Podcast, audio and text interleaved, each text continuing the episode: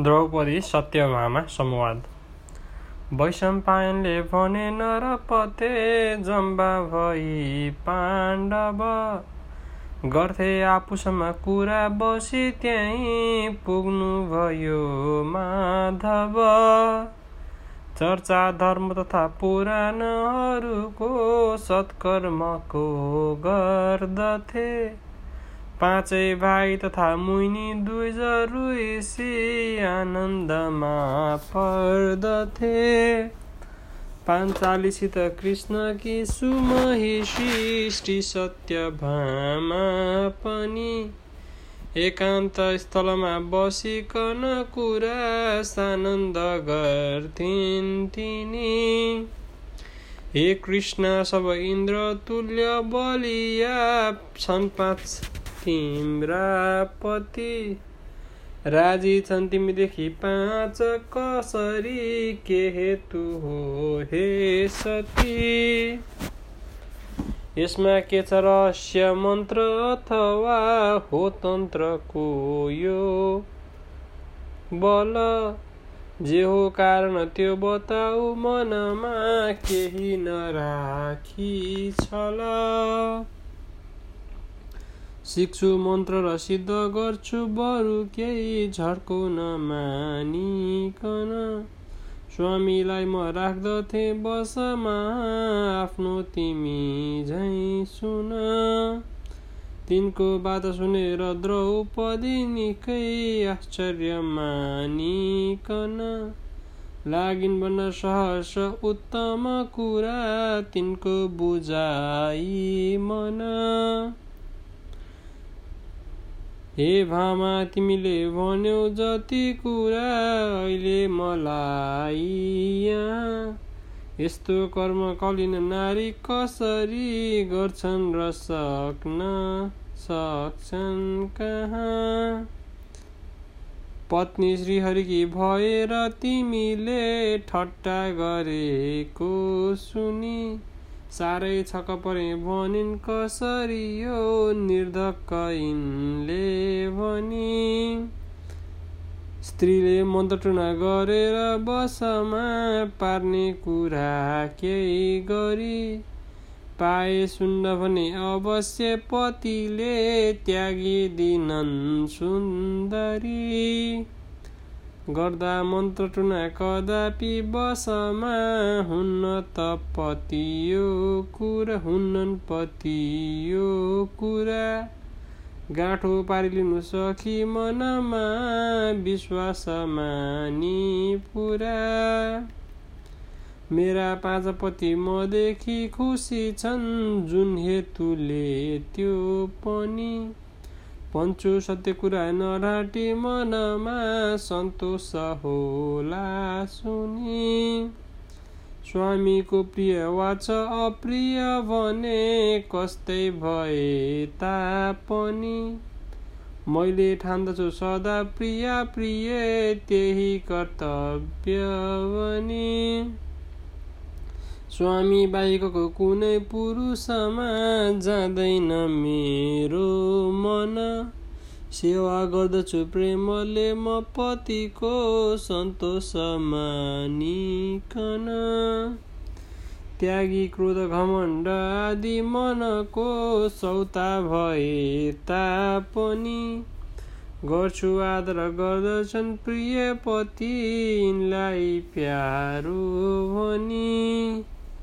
आज्ञामा परेको सदा रुजु रही गर्ने हुँदा चाकरी। सेवाले पति पाँचलाई बसमा राख्छु म हे सुन्दरी। मैले झै पतिको सदा जतनले जो गर्दछन् चाकरी। बस्ने छन् पतिकी बनी प्रियतमा सानन्दती सुन्दरी। यस्तो बात सुनेर कृष्ण महिषी बन्दी भइन् हे सती। तिम्रो अर्थी सुनेर आज मनमा आनन्द लाग्यो अति। रानीका सँगमा बसी हरि त्यहाँ सानन्द केही दिन। पाँचै पाण्डवलाई अर्थी दिनुभयो तिनको बुझाइ मन। फर्के केही दिनमा चढेर रथमा श्रीकृष्णद्वारावती मार्केन्डे मुनि बिदा हुनुभयो आनन्द मान्दै अति। चित्रसेन गन्धर्वद्वारा दुर्योधनको दुर्गति।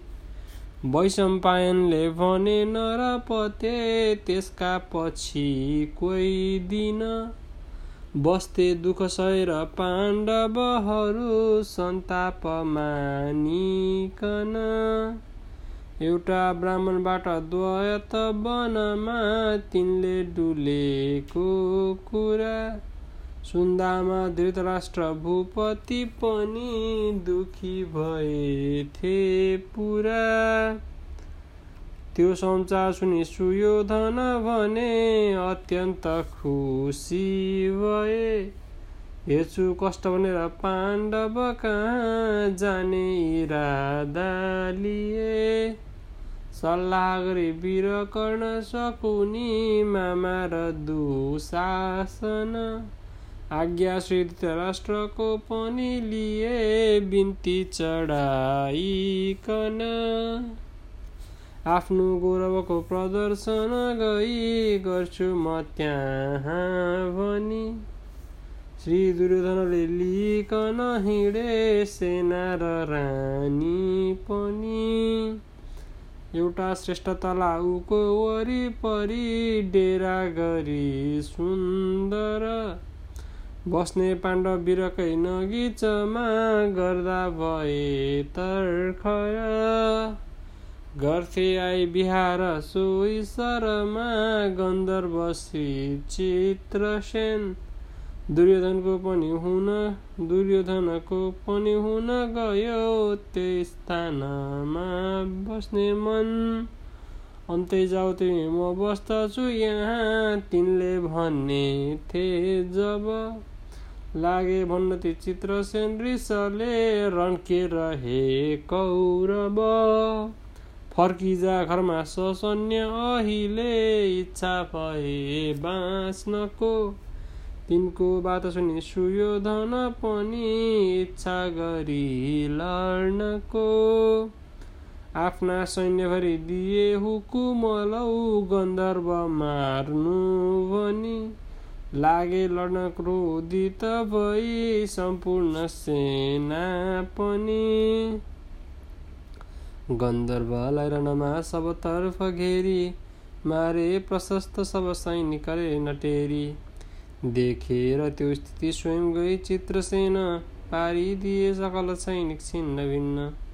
सशास्त्र सज्जित बनिकन खुब धीर आइपुगे सम्बरमा अनि कर्णवीर गन्धर्वलाई पहिले त निकै लतारे चित्रसेन बिरले सहजै लगारे।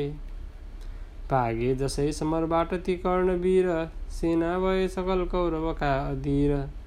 दुर्योधनादि सब भाइ अघि सरेर वर्षा गरे सल्लाह गरी बाण धेर। गन्धर्वका सकल सैनिक छानी मारे सेकी घमण्डरीको रण मध्ये झारे। देखेर त्यो स्थिति स्वयं नगिचै गएर सै भाइ कौरवहरू बसमा गरेर पाता कसेर सबलाई लडाई हाले रानी हनीको पनि सब बाँध्न थाले। रानी र कोहीहरू मानिसका साथ बाँधिदिए सकल पारी मिलाई साथ। सेकी जत कौरवादी वीरको बाँधेर पहिले हरि हेर्थे गई मुखना नगीत सबको हाँसेर ठट्टा गरी श्री दुर्योधनलाई बन्धनमा पारेर गन्धर्वले आँटे इन्द्र कहाँ पुर्याउँछु भनी लैजान आनन्दले।